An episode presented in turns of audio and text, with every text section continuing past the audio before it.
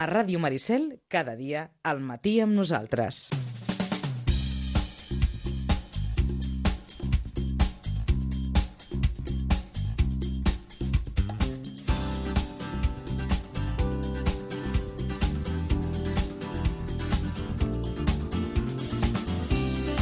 Bé, l'actualitat esportiva ha de començar amb els eh, dos noms propis amb els quals començàvem el programa d'aquest dilluns 7 de novembre, amb el de Pau Garcia, amb aquest jove patinador de Parets del Vallès, que és entrenador, com saben, del patinatge artístic Sitges, en Pau Garcia, que s'ha proclamat campió del món de patinatge en la modalitat lliure, campionat que es va disputar aquest eh, cap de setmana passat a l'Argentina. Pau Garcia, més, va fer en rècord mundial amb una puntuació de 289 amb 0,4 punts, revalidant així el títol de campió que ja va obtenir l'any passat a Asunción, al Paraguai. I l'altre nom del dia és el d'una sitgetana, en aquest cas la Mònica Vives, que amb l'equip espanyol d'Ultra Trail Running va quedar sotscampiona del món per equips en aquesta cursa que es va disputar a Tailàndia també aquest darrer cap de setmana. Mònica Vives, que en el seu cas particular va quedar 26a classificada amb un temps de 9 hores, 36 minuts i 6 segons.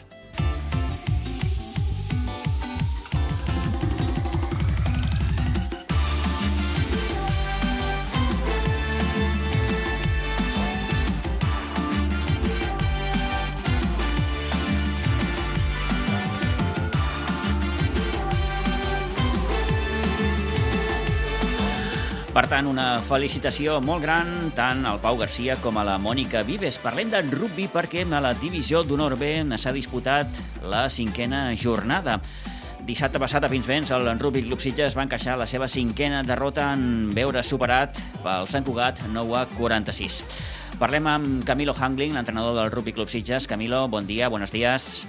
Hola, buen día. ¿Y tú cómo estás? Muy bien. Esa primera mm, victoria se resiste. Y creo que se va a tardar más en desistir.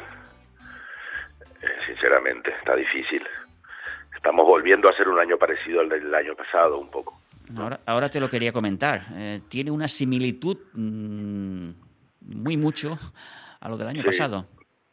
Sí, porque, eh, bueno, somos el mismo club que el año pasado. Es decir, el equipo del City es un poco que cada año se recicla.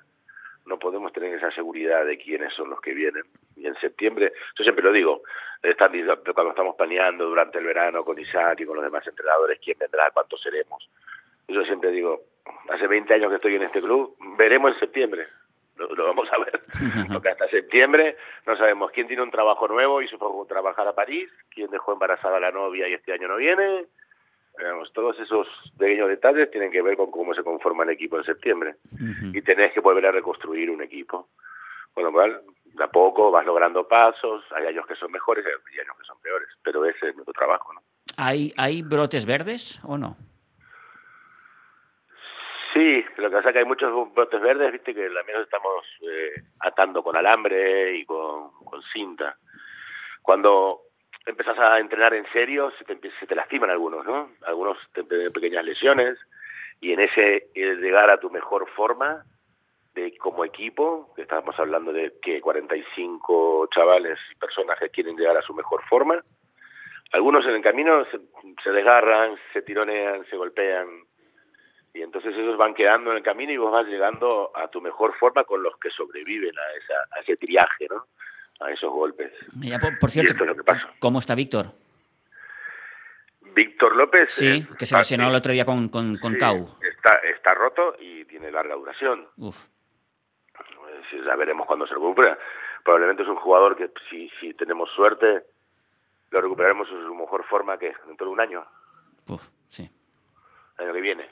Entiendo lo que quiero decir. Sí, bueno, sí, lo sí, mismo pasa con hoy en día, tenemos jugadores que tenemos lesionados de hace un año y que están volviendo a estar en su mejor forma. Te puedo decir uno rápidamente que me viene a la mente, que es Enrique Buenachea, un jugador purifuncional que te puede jugar en cualquier lugar y hace un año que se lastimó y eh, hoy en día todavía está con que sí, que no, que me duele, que aquello. Ujú. Es lo que hay. Te preguntaba lo de los brotes verdes porque, sin ir más lejos, el otro día contra, contra Cau, ah, el primer tiempo sí que se vio un equipo con, con ritmo, con, con- con entusiasmo, de tú a tú al líder. Sí que es cierto, como comentabas en, tu crónica, que el segundo tiempo pues no, no, dio, ¿no? El, ritmo del, del, del, CAU no, no lo aguantó el Sitges. ¿Por ahí nos agarramos un poco? Nosotros, el año pasado también nos pasaba, si te acordás, Salíamos como trombas ahí, salíamos pim, pum, pam, le hacíamos dos tries y después uh, y nos íbamos para abajo de nuevo. Ah. Eh, tiene que ver con la forma física, tiene que ver con el fondo de armario que tenés como banquillo, tiene que ver con el hecho de que somos muy jóvenes, muchos de los jugadores, y hacemos no todo muy rápido y, no, no dura nuestra energía todo el partido. Tiene que ver con todo eso. Son varias cosas que hay que cambiar, ¿no? Hay que esperar que algunos, algunos jugadores adquieran rápidamente la experiencia, otros que tienen la experiencia adquieran la forma física para poder aguantarnos durante todo el partido. Eh, otros que vuelvan a ser unos suplentes de 40 minutos, estos, estos jugadores que te sirven para terminar el partido, que quieren la pelota, que no van a hacer grandes cosas, pero agarran la pelota, te la duermen, digamos, jugás tranquilo, vas a jugar en el campo de ellos, necesitamos varias cosas. Entonces, bueno, estamos trabajando en ello. Y bueno, se va jugando cada vez mejor, ¿eh? porque el último partido estuvo mejor para mí y el anterior mejor que el anterior, y así vamos sumando. O sea, se van poniendo algunas piezas en su lugar. Claro, cada pequeña lesión y cada pequeño jugador que sale, bueno, la pieza hay que volver a ordenarla, pero se van logrando pequeños objetivos, eh, semana a semana. Sí que es cierto, Camilo, que em, esto, bueno, lo del año pasado y, lo poco que llevamos de este es un aprendizaje, mm, bueno, es un máster. Mm, eh, pero claro, eh, cuando uno pierde tanto, cuesta, ¿no? La mochila pesa, pesa, pesa mucho. Sí, y recordemos que además nuestros chicos eh, no, vienen para divertirse. Claro. Perder así siempre no es divertido. además del honor de jugar, el orgullo de jugar para el club y vamos sitios y tal, la realidad es que tienen que divertirse, tienen que divertirse el lunes, martes, jueves y sábado, que es el día más divertido de todos, que en el cual los entrenadores no les estamos molestando ni diciendo nada, sino que ellos desarrollan su propio rugby si todos los fines de semana se encuentran que esto parece la montaña de no montaña arriba y hay que trabajar y trabajar y luchar y tal el desgaste va siendo muchísimo entre lesiones entre malhumores que te van agarrando malhumores y te vas poniendo de mal humor con el de al lado que es tu amigo pero Sí, sí. Estamos poniendo por 70, estás, no, estás del mejor humo posible. Ah, ahí entra un poco vuestra vuestra vuestra gestión de vestuario, como se dice, ¿no? Tanto tú como Isaac, ahí un poco intentando navegar en esas aguas a veces turbias. Sí, sí, sí, sí, sí. sí. Y, también la autogestión de ellos, ¿eh? Ya. Ojo, que estamos hablando de un equipo senior. Claro. Es cierto que este es un equipo senior muy joven, pero normalmente el equipo senior tiene algunos individuos que tienen 30, 40 años eh, de rugby. Entonces, claro, eh, podrían, se pueden autogestionar. Oye, perdimos, no pasa nada. la, la realidad. Los partidos, en el rugby y en los deportes perdés mucho más que ganás casi siempre, ¿no? Hay uno que sale campeón, todo lo demás en algún momento del año perdimos. Seguro, tiene que sale campeón, por ahí perdió dos. ¿No? Dos partidos. El, el Barça sale campeón a fin de año o el Madrid, bueno, tres, cuatro partidos se caen. Así que todos perdemos y todo el tiempo. Ese no es el problema. Mm, bueno, mm, hablemos un poco del partido del sábado contra San Cugat. Al final se impusieron de una forma bastante bastante clara, como, como refleja el marcador final. El San Cugat es un equipo que, sinceramente, es me, hace pensar en nosotros mismos. Sí. Como si fuéramos nosotros y si no, no, no se nos fuera nadie. Como si nosotros lográramos que todos los nuestros chavales de mejor nivel, digamos, no desaparecieran porque se van a trabajar a estudiar eh, física cuántica, no sé dónde. No, que todos se mantuvieran aquí jugando. Eso es lo que me hace pensar. Si no tuviéramos a Noah, que se fue a jugar al Burgos, o a otro que se fue a jugar a París, otro que se fue a jugar por allá, digamos, si los tuviéramos a todos, ¿cómo jugaríamos? ¿Cómo juega el San? Con jugadores de la casa, pero grandes jugadores, porque no se fueron nunca. A mí me gusta el San Cugat, juega bien, la mayoría de los chavales los han jugado toda la vida juntos, los conozco desde hace muchos años. Son buenos jugadores. sinceramente, yo cuando hay un equipo que me, gana y me gana así, con esas características aplaudo. No, no, tengo problema en que me ganen así. Y a nivel de Cataluña, Camilo, San Cugat tiene, tiene, tiene buena, buena cantera también, ¿eh? Sí, sí, sí, bueno, es una de las tres grandes cuatro, o cuatro canteras. Sin duda, sin duda. Importantes de Cataluña. Nosotros somos la, una de las otras. También. Nosotros lo que no estamos logrando es proyectar al futuro de los, del, del primer equipo, ¿no? De manera inmediata, sí. Primeros tres, cuatro años que un jugador llega ahí, juega, pero después te van desapareciendo. Claro, intentar, como, como explicas, que los buenos no se te vayan. O aceptar que eso es un club formador y que se te van a ir hasta que vos no tengas otras características como club. También. No, no, no, no pasa nada, no todo el mundo puede ser el Barça. Sí, sí. Yo siempre intento darte ejemplos de fútbol para que la gente esté, se, relacione, ¿no? Un poco con la situación, y, no todo el mundo puede ser el Real Madrid, y no queremos, nosotros cada uno quiere tener su estilo, nosotros tenemos el nuestro. En, en este momento somos un club formador, formamos grandes jugadores de rugby nuestro equipo está en División de 9 y pierde todos los partidos. Esa es la realidad por ahora. Bueno, esto no, no, no se para y ahora hay que pensar en, en, Zaragoza, en, Fénix, que ahora mismo es uno de los equipos que están ahí arriba en la clasificación. Bueno, va a ser un partido bastante difícil para un equipo que seguramente va a estar corto, como nos sucede todos los fines de semana, en suplente, y se va a tener que ir a enfrentar. También juega el B, así que tenemos que dejar otro equipo aquí en Cataluña lo harán lo mejor posible como lo hacen todos los fines de semana. Y siempre intentando, digamos, mirar al futuro de que esas pequeñas, eh, esos pequeños detalles entre jugadores, parejas, no parejas que se dan en todo el campo, sigan siendo cada vez más y cada vez mayores, en cantidad y en grupo. Es decir, que sean dos, no, ahora que sean tres que funcionan bien, cuatro que funcionan bien grupos de cinco, bueno, todos los delanteros funcionan bien, ahora que se agreguen un poco los tres cuartos que funcionan bien, y así vas construyendo un equipo de a poco hasta que logras ganar algunos partidos. Pues Camilo, nada, gracias por, por, por estos minutos, eh, que vaya muy bien y, suerte eh, para, para, para, Zaragoza y ese partido complicado contra, contra Fénix. Gracias, gracias Pitu, un abrazo a todos. Igualmente.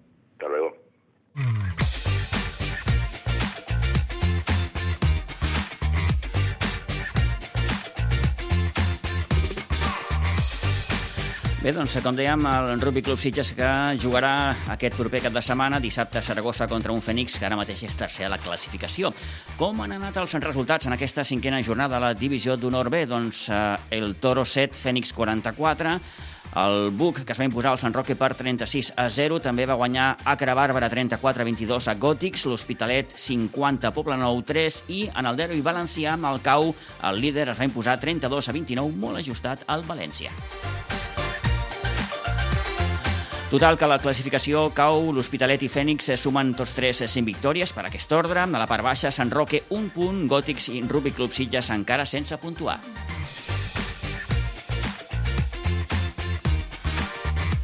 No només ha jugat el primer equip del Rugby Club Sitges aquest cap de setmana, ho han fet la resta d'equips. Per exemple, el sènior B, que es desplaçava a Monzón, va acabar perdent 48 a 0 davant Quebranta Huesos.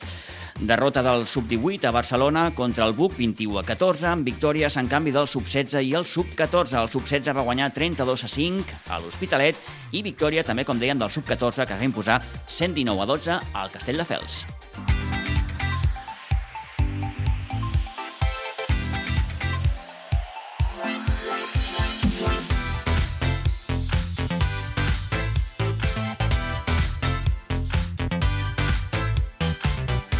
Ara mateix les 11 i 19 minuts del matí obrim carpeta futbol i comencem, com sempre, en repassant marcadors del futbol base, perquè a la preferent de juvenils, per exemple, el juvenil A de la Blanca va veure trencada aquesta bona línia de resultats que duia després de les dues últimes jornades.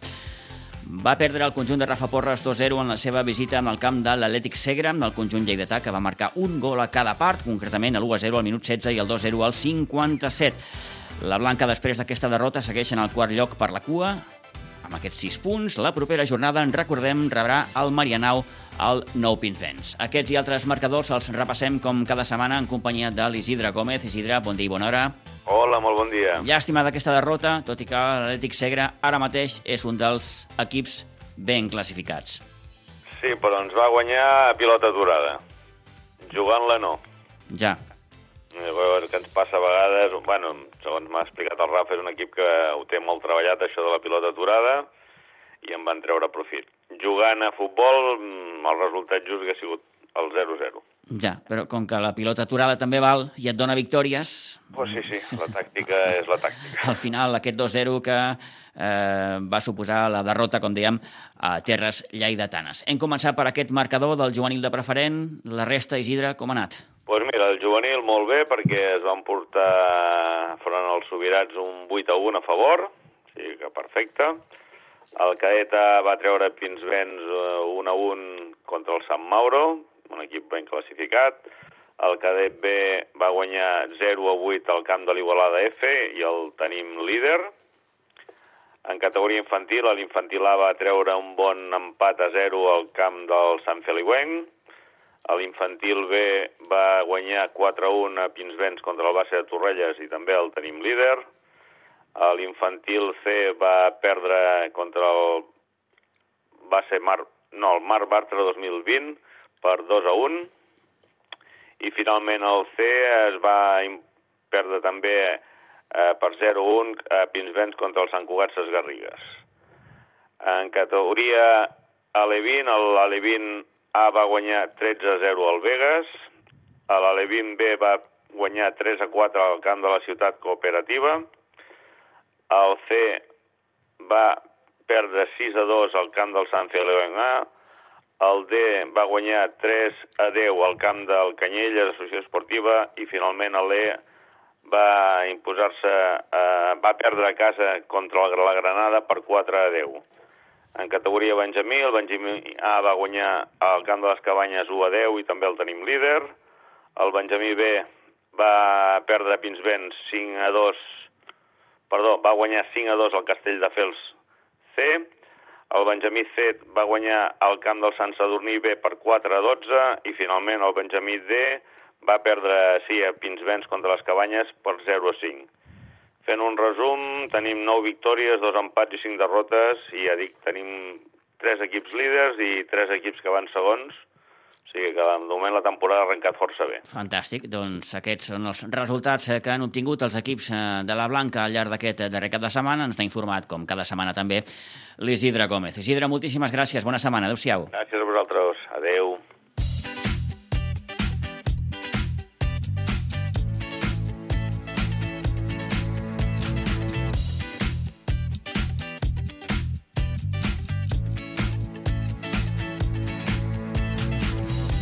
11 i 23 minuts del matí. Donem un cop d'ull a la vuitena jornada amb el subgrup 3B de la segona catalana, destacant, òbviament, la gran victòria que va aconseguir la Unió Esportiva Sitges dissabte a la tarda 0 a 2 al camp del eh, Sant Vicenç dels Horts.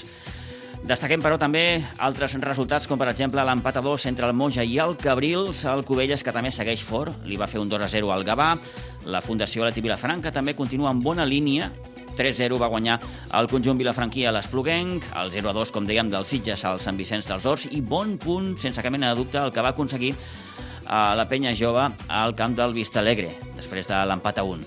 Toni, bon dia. Bon dia, bon dia, És un bon punt, aquest per al conjunt de les Roquetes, Molt bon punt. que treballa, com, com diu aquell, contra viento i marea per tractar de sortir d'aquesta zona de la classificació. Sí, sí, eh, s'ha trobat amb, molt, amb moltes dificultats, no? El Sigor, a més a més, a una setmana de començar el campionat, el canvi d'entrenador, entre el Sigor... Eh, ara està incorporant jugadors, de fet, ahir va incorporar tres jugadors, tres jugadors que, doncs, eh, havien jugat a la temporada passada en l'Olivella, eh, sobretot dos, i fins i tot li va donar minuts a un juvenil, no? de, del primer equip de los juvenils que ell té, i li va donar minuts. Home, eh, és un bon resultat perquè mm, el Vista Alegre és un dels equips que tenia que estar a dalt, que doncs, havia remuntat, perquè de fet havia guanyat dos partits consecutius i ara es troba amb aquest empat eh, davant de la Penya Lloba. És molt bon empat, és un bon punt i aquí el que es trata és anar sumant tot el que pugui. I la setmana que ve, bueno, aquest proper cap de setmana, tenim un penya jove Cubelles. Sí, sí, a més... Eh, a Partit veure, interessant per veure mm, de què és capaç aquesta penya jove, si serà capaç de, de, de plantar-li cara a un Cubelles que ara per ara, Toni, està, està molt fort. De fet, està, li està aguantant a la tirada als Sitges. Sí, i de fet és l'únic equip del subgrup que no ha perdut cap partit. Sí, senyor. Eh? És l'únic equip. Ha empatat dos Sí, perquè senyor. va pa- empatar aquí a Sitges i al Camp del Moja, eh, però no ha perdut cap, no? I està en un gran moment. Però la penya jove ja li va posar les coses molt difícils als Sitges, que era quan els Sitges que generava molt de perill, però doncs, no entrava la pilota, i li va posar moltes dificultats, i segur que li posarà moltes dificultats al Cubelles, però jo torno a repetir que per mi Sitges i Cubelles van un passet per davant dels demés. Uh -huh. I compta també amb aquesta Fundació Atlètic Vilafranca, que està tercera a la classificació, amb 15 punts. Eh, també, si exceptuem la derrota que va patir amb els Sitges al seu camp, també bona, bona, bona temporada del conjunt vilafranquí. Sí, sí, a més, és un equip que sempre doncs, ha jugat bé i ara doncs, té un home que li fa gols, com és el cas de Boada, eh, doncs, i això li va molt bé a la Fundació. De fet, eh, l'altre dia fent una miqueta de... de, de, de eh, mirant de cara al futur, eh, es parlava d'això, no? que potser els tres equips que se classificaran per jugar al play-off, la segona fase d'aquest campionat, pot ser els Sitges, Cubelles i, i Fundació Atlètic Vilafranca, perquè són els que estan ara per ara millor que tots. Victòria del Sitges, Toni, dissabte a la tarda en un camp difícil, complicat, molt d'ambient, un Sant Vicenç dels Horts dur, però la victòria del Sitges de l'altre dia té nom i cognom Edgar Dobles, Sí, passa... perquè dos gols al davanter eh, doncs li van donar aquests tres punts per seguir al capdamunt. Passa pel seu millor moment de joc, eh? ja lo va demostrar aquí amb el Moja, que doncs, no tan sols va marcar un gol, que va donar... Va un, assistir també. Sí, un parell de- de- d'assistències de, de gol i va estar molt bé, no? En el cas de, de Sant Vicenç, al camp del Sant Vicenç, doncs eh, era molt difícil jugar la pilota allà perquè, de fet, eh, mm, el Sant Vicenç és un equip molt dur, un equip que, sobretot, eh, entra molt fort i això, doncs, de cara al... De fet, va acabar amb una expulsió, amb un Sí, jugador sí, menys. sí, i va ser per dos targes, que podria haver hagut més d'una expulsió mm. si l'àrbitre, doncs, està un... Va ser valent, eh? L'àrbitre també, eh, a favor Tot de l'àrbitre, té que dir que va ser molt valent perquè en aquell camp, ten en compte una cosa, que és un camp, un bar amb un camp. Eh? Un bar amb un camp, aquell bar estava a tope, Eh? Fins i tot estaven sopant i tot dintre del bar, perquè és immens aquell bar, i clar, és allò, que tanta gent, el camp estava, les grades estaven plenes, allà no es podia ni respirar, perquè quan respiraves, doncs, sentien el respir teu i contestaven, eh, i era molt difícil jugar. Imagina, si a la grada era complicat, a, a baix... A la gespa que, també. que estaven donant, que donaven i donaven molt, eh, perquè són molt durs, eh, jo no sé a Can Contrari, però a casa són molt durs, doncs costava molt. Els Sitges, de, de, de fet, el, doncs, aquest doble minut 27 marcava un gran gol, perquè els dos van ser gols sensacionals. El primer, impressionant, eh, s'inventa un xut eh, per l'escalla i que el, el porter eh, és impossible d'aturar-lo, i el segon, ell mateix recupera la, la, la, la pilota, ell se dibla un, pa, un parell de defensor i creua la pilota, impressionant, un, golarro, eh? són d'aquells gols per marcar. I Va així- debutar Josele també. Sí, va debutar la segona part, un Josele, doncs, que... Bé, la segona part el Sitges tampoc va forçar molt la màquina. El Sitges a la segona part es va dedicar més a tocar, perquè era molt difícil. Tot això va generar alguna que altra ocasió clares de gol, eh? però mm, era, era, era passar els minuts, eh, aguantar aquesta renda de dos gols, perquè allà doncs, n'hi havia molts pals, no? I al final lo, lo va aconseguir. Va jugar Nito a la porteria, de fet ja ho sabíem perquè aquesta setmana passada vam, vam poder parlar amb, amb Lucas Cajes, que fins ara era el porter titular, i ja ens va dir ell que no hi seria, per tant, mm, estava cantat que jugaria Nito. Sí, tot una garantia, no? Òbviament. Nito, Nito la porteria, més un home que té molt experimentat i que coneix molt bé tots aquests camps, eh, va estar molt bé. En, en línia general, Sitges va jugar un partit molt sencer, un partit molt, molt seriós, un partit que va saber en tot moment doncs, a jugar-le perfectament al Sant Vicent dels Horts, que no és que sigui un equip d'aquells eh, per tenir molt en compte, però és un equip molt complicat al seu camp. Eh? Quizás, potser, a Can Contrari no el mateix, però al seu camp mm, és complicat. Va generar alguna que altra ocasió, sobretot a la segona part es van tenir alguna que altra ocasió i pensàvem, ui, com entri una pilota d'aquesta, doncs patirem fins al final si no marquem un altre gol, eh? Uh -huh. perquè doncs, amb un, eh, 2 a 1 a 2, 1 a 2, doncs Sí, sí, no, el partit no? et pot, et pot canviar. Mm, Però no, no, el Sitges va jugar molt seriós, no va entrar a la pilota, Nito va estar molt acertat. Ell, no és que tinguessin, però van tenir un parell eh, de- d'arribades en perill a la segona part i en línia general un bon partit del Sitges i tres punts molt importants. Tres punts molt bons, sense cap mena de dubte. I al final del maig, Toni Muñoz parlava amb Toni Salido, amb el míster dels Sitges. Bé, Toni, eh, al final s'acaba guanyant un partit complicat, eh? perquè eh, guanyar aquí no és fàcil, eh? És molt difícil, eh? Muy difícil, aquí este campo es dificilísimo, ya lo sabíamos que, que si sacábamos los tres puntos de aquí eran tres puntos muy importantes porque aquí se sufre, fíjate de cómo ha ido el partido, con una primera parte donde, donde era de tú a tú, que, que bueno, que al final sí que es verdad que teníamos control de, pelota y íbamos llegando, pero ellos con sus armas también, de- en alguna que otra también algún peligro creaban, ¿no? Pero bueno, eh, hemos puesto 0-2 que, que creo que, que Doblas ha estado muy fino hoy. Eh, hay que felicitarlo porque meter los dos goles que ha metido eh, hace de que, de, que- al final ¿no? que, el equipo pues esté, esté sometido a, a menos presión, ¿no? Porque bueno, al final cada partido sabemos, sabemos que es como una final para nosotros, eh, son tres puntos que, que- son muy importantes para nosotros y nada, felicitar al equipo otra vez, hoy volvemos a estar bien, ¿no? Y bueno, eh, incluso con ellos con, un- con uno menos, ¿no? que lo expulsan en la primera parte, siguen apretando, la grada aprieta, eh, todo el mundo aprieta y la verdad que es un campo muy difícil para ganar aquí. Mm, un equip molt dur, no? Dur, perquè, de fet, mm, era difícil jugar la pilota aquí, eh? Sí, pero bueno, volvemos a lo mismo. Si te pasa al igual en otro campo, pues se acaban expulsados cuatro jugadores. Porque han habido, han habido entradas duras, duras, duras y no ha sido así, ¿no? Al final se han ido con, con- un expulsado por doble amarilla, pero, pero la verdad que son duros, son, son gente dura, la, gente aprieta desde la grada, eh, es un campo muy difícil para jugarlo, es un campo estrecho donde, bueno, eh, siempre tienes tus dificultades, pero bueno, hoy el equipo vuelve a estar bien, eh, en la segunda parte volvemos a no pasar penurias, nada más que, bueno, a balón parado un poquito y alguna que no ha llegado, pero poquita cosa, volvemos a estar bien. Volvemos a, a tener la portería cero, que creo que eso es muy importante, otra jornada más a tener la portería cero, y bueno, y a seguir sumando y a seguir intentándolo. Bon partit, sobretot la primera part, la segona ja se sabia, no? Eh, doncs eh, ells han anat aguantant i, i el Sitges ha tingut les seves també, perquè de fet ha tingut ocasions. Al final, doncs, eh, eh, l'important era acabar el millor possible i són tres punts molt importants. Sí, hemos tenido nuestras opciones y, y opciones muy claras otra vez de, de- de matar el partido, porque, porque la verdad es que ha sido muy clara.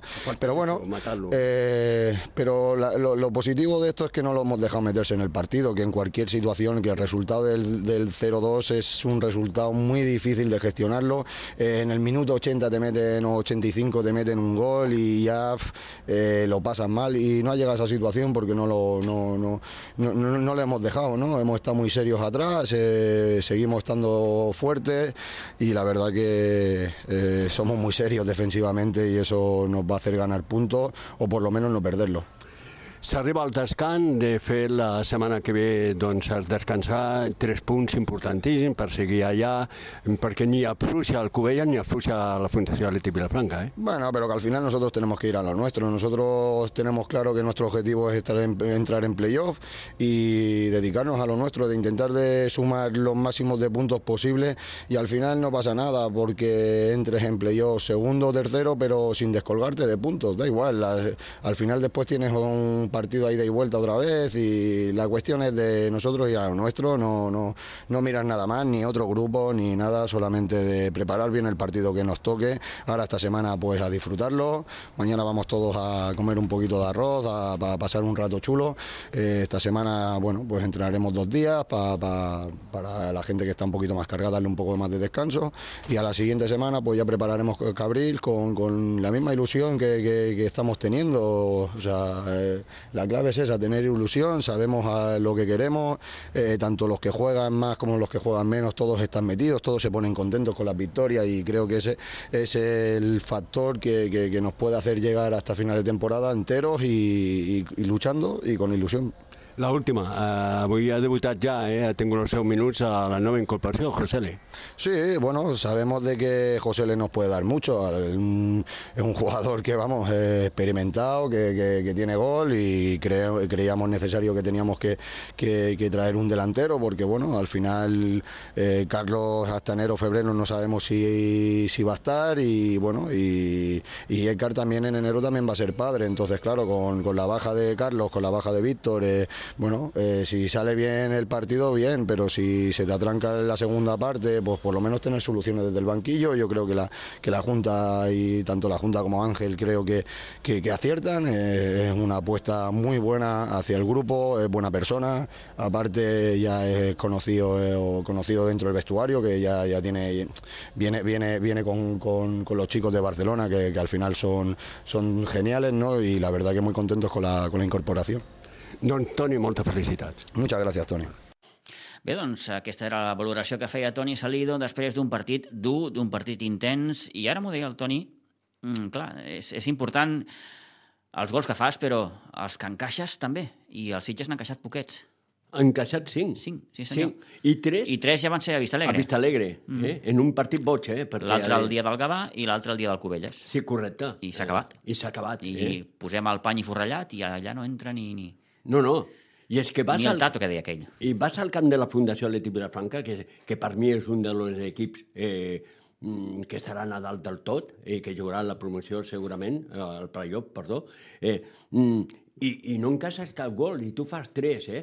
Eh, i, i vas al camp de Sant Vicenç, que per mi és un equip que potser té menys qualitat que la Fundació, però és un equip molt perillós, és un equip que dona molt pal. Sí, sí, sí, un equip que, que, que, que marca, marca, posa molt, mar, molt difícil. Marca el seu terreny. Va eh? ser un partit molt complicat eh, i les cames dels jugadors dels Sitges en alguns moments van patir. Segur, segur que Geri avui no està tan, tan bé com un altre dia, segur que l'Edgar avui doncs, té dolor algun, algun, per alguna part de la seva, algun recadet cos, algun i, recadet. o el Jota o, o Pasqua. O Pasqua, sí, que sí. li van fotre una entrada a Pasqua que me la fan a mi i estic dos mesos als camins.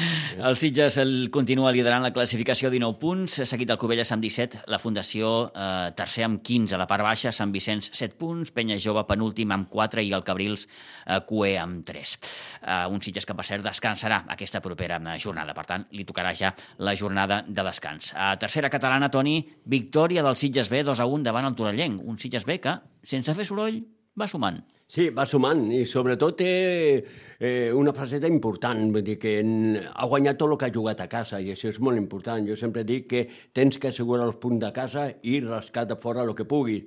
I els Sitges eh, continuen en aquesta línia, no? un Sitges que ho guanya tot a, a casa, que a fora doncs, està fent un bon campionat, que suma punts i que tan sol ha perdut un partit sí. el dia del Vilanova. I va ser la primera jornada. I Des la... d'aquella derrota l'equip ha anat sumant, sumant, sumant i, i de fet encara està consolidant aquesta tercera, aquesta tercera plaça. I que l'equip, sí, sí. I a en una jornada en què el Riu de Villes ha punxat, va punxar el seu camp 3-3 davant, davant la Noia. Sí que el Vilanova del Camí continua mm, doncs, posant la directa, va guanyar 2-4 amb les Cabanyes. Va punxar, compte també l'Olivelles amb el Capellades, sí. 1-3, un Capellades que eh, està ben classificat, ara mateix és cinquè amb 15 punts s'està posant interessant també aquesta tercera catalana. Molt interessant, per això és, és tan interessant veure el Sitges tercer, eh, a darrere dos punts del Sant Pedro de Villes, que jo penso que pot agafar el Sant Pedro de Villes, i compta amb aquests Sitges aquest any, eh, que pot fer una temporada, perquè aquest any sí que n'hi ha promoció, eh?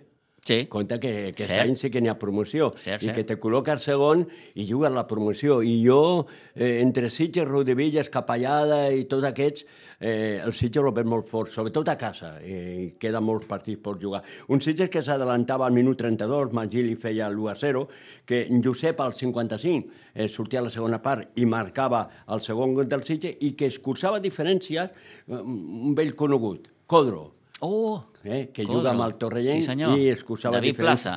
David Plaza, Codro, i deixava el 2 a 1 definitiu, no? Bona victòria als Sitges. Bona victòria, i així ho reconeixia també amb el míster Àlex Villalgordo. Bueno, eh, un partit molt, molt bo nostre. Eh, era un, un rival difícil perquè bueno, jo crec que és dels rivals que és més tot el contrari a nosaltres és a dir, era un equip amb molt, molt veterà, amb, amb gent amb molta experiència en aquesta categoria i vulguis o no, pues, és, això es, es nota i és una gran diferència. I a més per l'estil de joc, tenen un estil de, de joc molt directe, amb, a, amb dos davanters molt alts, eh, bueno, van utilitzar el, el Codro, el David Plaza de, de davanter també, i, i penjaven moltes pilotes i intentaven generar eh, mal a partir d'aquestes segones jugades, però vam estar, el, sobretot el, la línia defensiva i els dos pivots superbé en aquest sentit, i això va fer que no tinguessin quasi, quasi ocasions. I per altra banda nosaltres pues, vam poder combinar molt bé, sobretot a, a la primera part, i, i vam gaudir de més ocasions que ells, vam tindre el pes del partit, vam, jo crec que el partit va estar controlat en, en tot moment i casualment, com, com l'última vegada, pues, el dia del Montbui, eh, a la que els expulsen a un, no sé si és que nosaltres psicològicament ens afecta o, o el què, que això sol passar molt a, a molts equips, i penses que bueno, 2-0 ja, va, ja he guanyat el partit. I relaxes una mica i bueno, ells en una jugada aïllada fan un, un gol, un molt bon gol i, i aquests últims 10 minuts pues, poder donar la sensació que apreten una mica, però tot i que apretin no és que gaudeixin de cap ocasió molt, molt clara. I ja et dic que nosaltres vam tindre per tancar el partit en dos o tres ocasions i, i molt content eh, de, de sumar un altre cop de, eh, de 3 en 3, de reafirmar que, que Aiguadols està sent un fortín ara i, i que anem creixent i continuar així i ja està. Jo molt content de, dels nanos i això que també avui, o sigui, ahir, perdó, teníem moltes baixes, vam anar amb 16 convocats eh, per diferents motius eh, eren els únics que teníem disponibles i bueno, eh, vam saber jugar molt bé amb equip i, i ho vam fer la veritat que, que molt bé.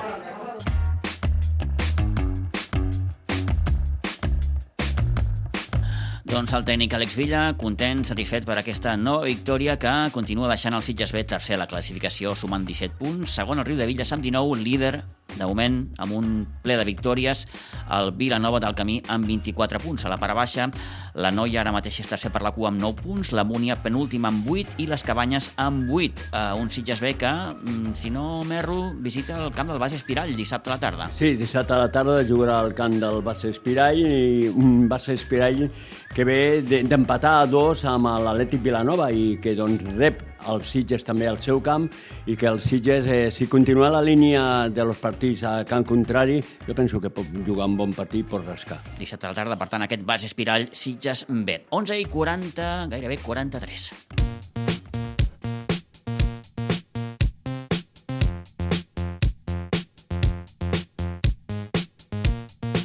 I hem de parlar també de bàsquet perquè s'ha disputat la sisena jornada del Campionat de Catalunya de segona categoria amb la victòria còmoda d'un bàsquet Sitges que es va imposar amb el Salle Manresa B per 93 a 59. Bàsquet Sitges, tot s'ha de dir, molt, molt eh, castigat per les lesions. Hores d'ara són baixa eh, per lesió eh, jugadors com Mauro, com Marçal, com Adrià i Nil. I dissabte passat, allò, si no vols caldo té dues tasses, doncs eh, també es va lesionar Jan Carrion. No tenia bona pinta la lesió perquè va sortir molt, molt coix el eh, jugador del bàsquet Sitges. Edu Pinheiro, per tant, va haver de tirar dels joves com Marc Rubí, com León Chimeno i Pau Alcázar, que van tenir també els seus minutets a la pista. Un partit, el del passat dissabte a Pinsbens, que ja va acabar pràcticament eh, resol al descans, amb un avantatge de més 23, 51 a 28. En l'apartat anotador, Àngel Miguel Sanz, màxim encistellador amb 20 punts, eh, però Oriol Camproví també va anotar-ne 18. En acabar, vam poder parlar uns minuts amb Nacho Velasco. Un Nacho Velasco que va anotar 13 punts i que dissabte vinent a la pista del Casal de Vilafranca jugarà amb el seu darrer partit abans no marxi, faci un petit parèntesi i, per tant, sigui baixa inicialment durant els tres propers mesos. No és l'últim partit, crec que a Vilafranca ah, bon. estaré. Val. Sí, perquè més que el Carrion s'ha fet mal, llavors és un partit difícil a la pista del Vilafranca i faig l'esforç i crec que jugaré el dimarts. Ai, el diumenge. Eh, anava a dir, és una baixa temporal. És una baixa temporal. Jo ho vaig dir, jo sempre que estic a Sitges jugo, entreno, estic aquí sempre, però també tinc altres aficions i m'agrada viatjar i, i això, unes vacances. Eh, bé, la teva baixa entenc que també serà important, més que res, per com està l'equip ara en qüestió de, de lesions, de gent que no pot jugar. Sí, jo sabia que mai, o sigui, mai és el moment adequat, sempre per alguna cosa o altra, però bueno, són decisions que s'han de prendre. I bueno, ah, és hora de que tot el grup de joves, sub-21, júniors, eh, s'esforcin, entrenin dur i tinguin minuts. I així, pues, d'una desavantatge treure un avantatge. Opa! Bé, avui un partit bastant còmode contra el CUE, Sí, estem tenint de moment partits còmodes. Jo crec que més avançat la temporada ens coneixerem més i ens, defens ens defensaran amb més, amb més cap. Avui el, han pressionat molt, ens han robat algunes boles, però també hem tingut moltes canastes amb un ritme alt, hem trobat moltes canastes en transició i hem fet un avantatge al principi gran i així l'hem mantingut. Estem al mes de novembre i heu jugat només 4 partits. Sí, poc ritme, molt poc ritme. Nosaltres entrenem Això per vosaltres és horrible. Sí, més que jo sabia que marxava, dic, bueno, si marxo amb 7, 8 partits jugats, pues encara he ajudat més. Amb 4 o 5 no és, no es nota. Ah, s'entrena, però a vegades els entrenos arriben una mica que són freds perquè portem dues setmanes sense jugar i el ritme perd, però bueno, els partits els estem traient bé. Els, els que estem sants més o menys, tirem els partits, estem concentrats, ja portem any, uns anys jugant junts i ens entenem. I en què les coses no surtin bé en moments del partit, ens ajudem entre nosaltres. El Marçal fotut, el Mauro fotut, avui s'ha fet mal també el Jan, déu nhi Bueno, és que... Heu trepitjat alguna cosa o què? No, no mira, nosaltres ens preparem bé físicament, amb el Minga, entrenem fort amb l'Edu, el Jordi també ens matxaca, però això és el que té el bàsquet, que les lesions són així de punyeteres. Però, bueno, és el que et dic, de les desavantatges s'han de treure avantatges, i això són oportunitats per León, el Leo, el Marc, el Pau, i que juguin i, mira, potser per uns partits ara que ens costin, potser dintre de dos o tres anys ja tens jugadors ben formats i això ja serà una anècdota. El dissabte que ve, com dèiem, visiteu el Casal, aquella pista ja sabem tots el que és. Les dos últimes, les dos últims anys que hem anat a jugar, eh, vam perdre un, amb una canasta l'últim segon que no ens va comptar perquè estava fora de temps i l'any passat vam guanyar amb una canasta al Mauro. O sigui, jo crec que sortirem allà a patir, però normalment són partits guais de jugar. Són una pista petita, línies de passe a saco, molta intensitat, ens coneixem, està guai, però la rivalitat és bona. Jo crec que mai ha sigut, han sigut partits que, que fossin més durs o que és, anem a jugar a bàsquet, ens coneixem i ens tenim ganes i és com que amb així anem millorant entre nosaltres. Entenc que voldràs marxar amb un 5-0. Sí, clar. Sí, sí, sí. Jo crec que estem, estem fent bé, bé les coses. L'any passat ho vam fer bé durant la temporada regular. Jo crec que aquesta lliga s'ha de treure. Sigui, l'Edu ja ho diu, partit a partit s'ha de treure, són finals, però jo crec que hem après a dominar bastant els partits, el ritme el portem nosaltres i, i estem concentrats en que fora de casa aquí ja qualsevol equip et pot, t'ho fica difícil. I quan tornis, suposo que esperes que l'equip encara continuï igual de bé. Bueno, jo crec que si veig que per internet que les coses van bé, jo em quedo allà, eh? Ja els hi deixo.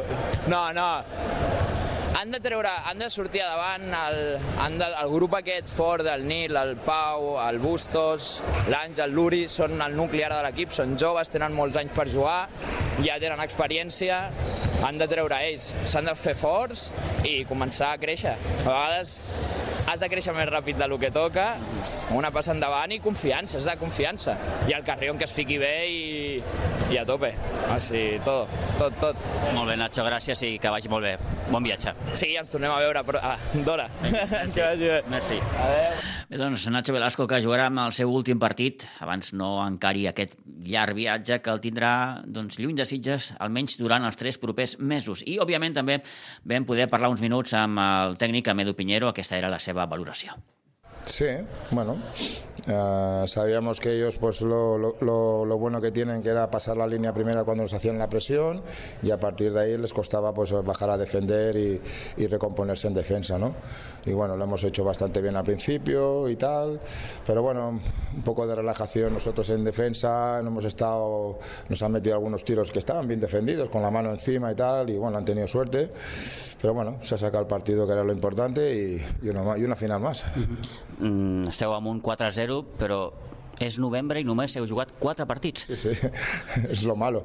Por eso estamos intentando durante las semanas de entrenamientos, pues bueno, intentar hacer partidos entre nosotros y bueno, haciendo los sistemas a nivel defensivo de lo que tenemos que trabajar y todas estas cosas y, y bueno, Aquest sistema de competició, cada setmana descansen dos, entenc que pel ritme de la competició és, és, és horrible. A nosotros nos ha tocado al principio este, que ya has visto, o sea, entre el Día de los Santos, eh, la primera jornada que es la del Villanova, luego descansamos porque somos impares y entonces pues quieras o no, ostras, ahora sí, ahora tenemos una serie de partidos, Vilafranca, Esparraguera, Esferic y no sé si luego San Cugat y, y el último pues San Nicolás antes de terminar el año.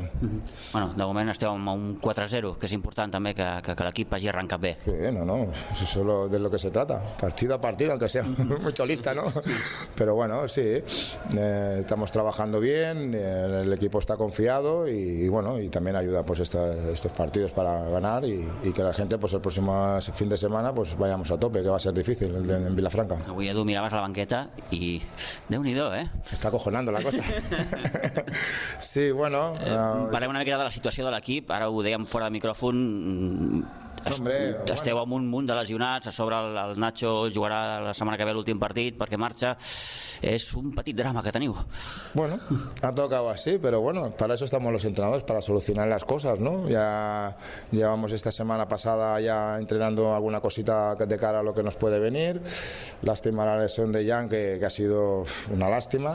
Neil, que está con el tema del aductor. eh, eh, Adri, pues con el tema del tobillo y tal.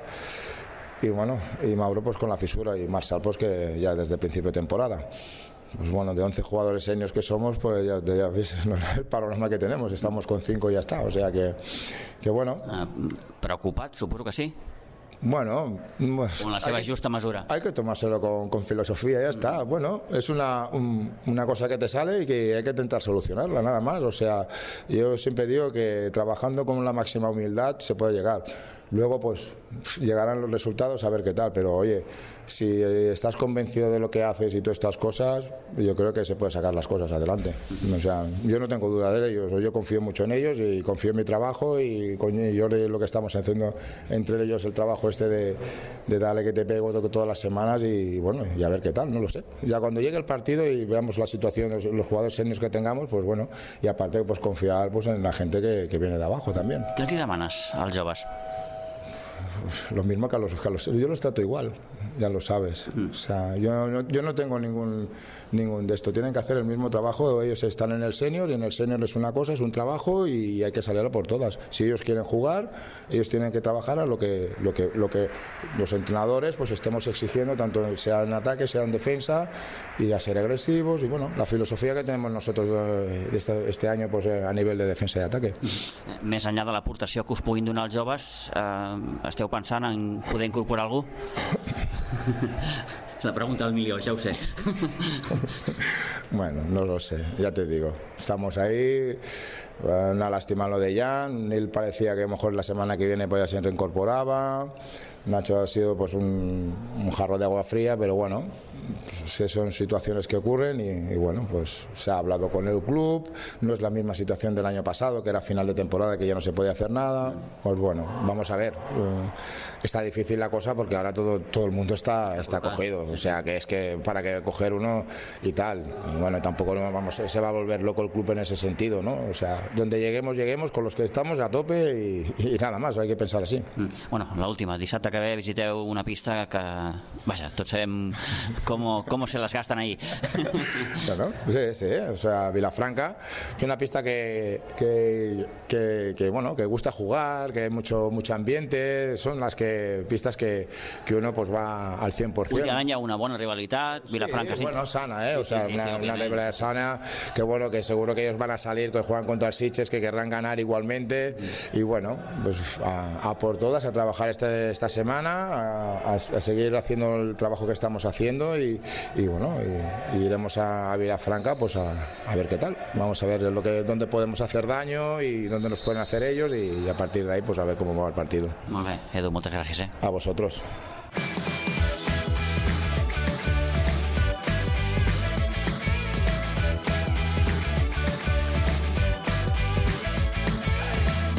Bé, doncs eh, veurem, però dissabte que ve visita una pista sempre, sempre, sempre, sempre complicada com és la del casal de, de, Vilafranca, un casal de Vilafranca que en aquesta darrera jornada es va imposar a l'Esparreguera per 94 a 75, també va guanyar amb el Sant Cugat 47, perdó, va perdre el Sant Cugat 47 a 56 davant Corbera, Sant Nicolau B va guanyar 78 51 a Gelida i Esfèric 65, Cubàsquet Sant Cugat 61. De moment els millors, Sant Nicolau B i Bàsquet Sitges amb 5 i 4 victòries respectivament. De la jornada també destaquem la victòria del sènior B, que es va imposar al Club Bàsquet eh, Les Roquetes B per 53 a 59, mentre que el sènior femení tenia jornada de descans. El sènior masculí, el sènior B masculí, que mm, té ganes de recuperar eh, la categoria perduda la temporada passada, per tant, de moment està en aquesta part alta de la, de la classificació. Mm, I allò que li preguntàvem a l'Edu de si eh, el,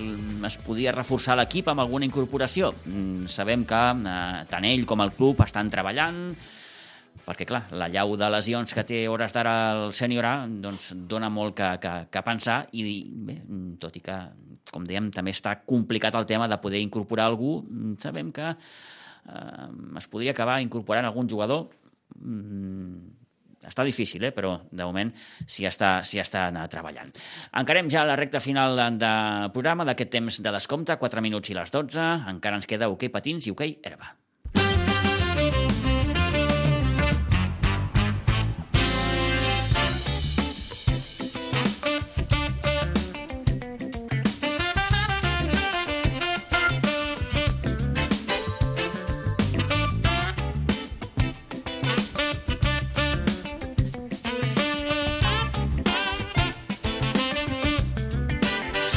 Doncs en parlem, com dèiem, d'hoquei patins perquè en partit de la cinquena jornada, en la segona catalana, el Club Patí Subursitges va perdre en la seva visita a la pista de l'Amposta, partit que, recordem, es va avançar amb eh, divendres els de Jofre Vilà, que van sortir derrotats per 5 a 1. L'únic gol Sitgetam el va poder notar amb l'Eix Garreta, en derrota que deixa el Club Patí Subursitges ara mateix com a cué del seu grup amb 3 punts. Abans d'aquesta jornada, el cué era l'Amposta, però com va guanyar amb el seu primer partit, curiosament, amb els Sitges, doncs és ara el Sitges qui ocupa amb aquesta darrera plaça a la classificació.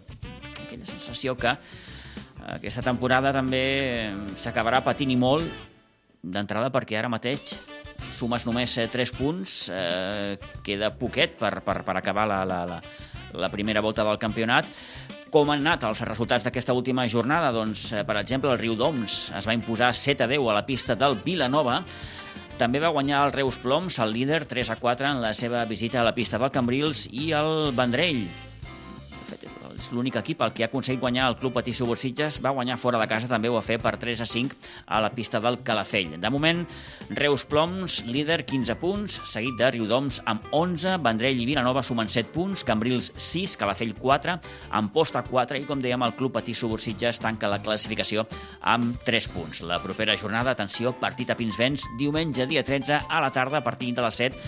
El rival serà ni més ni menys que el Club Patí Vilanova. Per tant, derbi d'alta volada i important que no s'escapin masses més punts d'aquí del, del pavelló de, de Pinsbens. Altres resultats dels equips de la base, doncs destacar, per exemple, que l'Alevi A va guanyar 2 a 6 a la pista del Cerdanyola que l'Alevi B.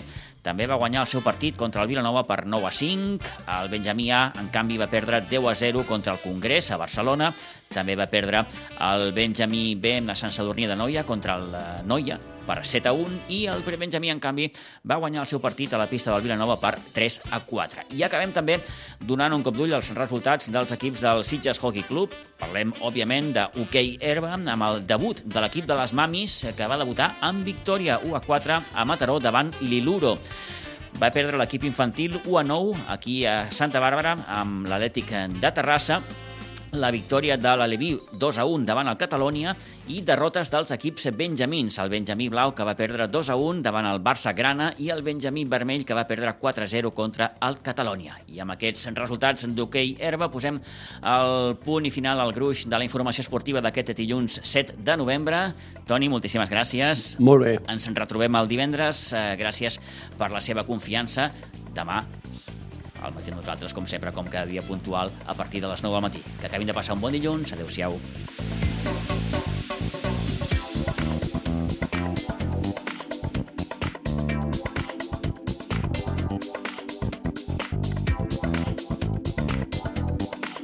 A Ràdio Maricel, cada dia, al matí amb nosaltres.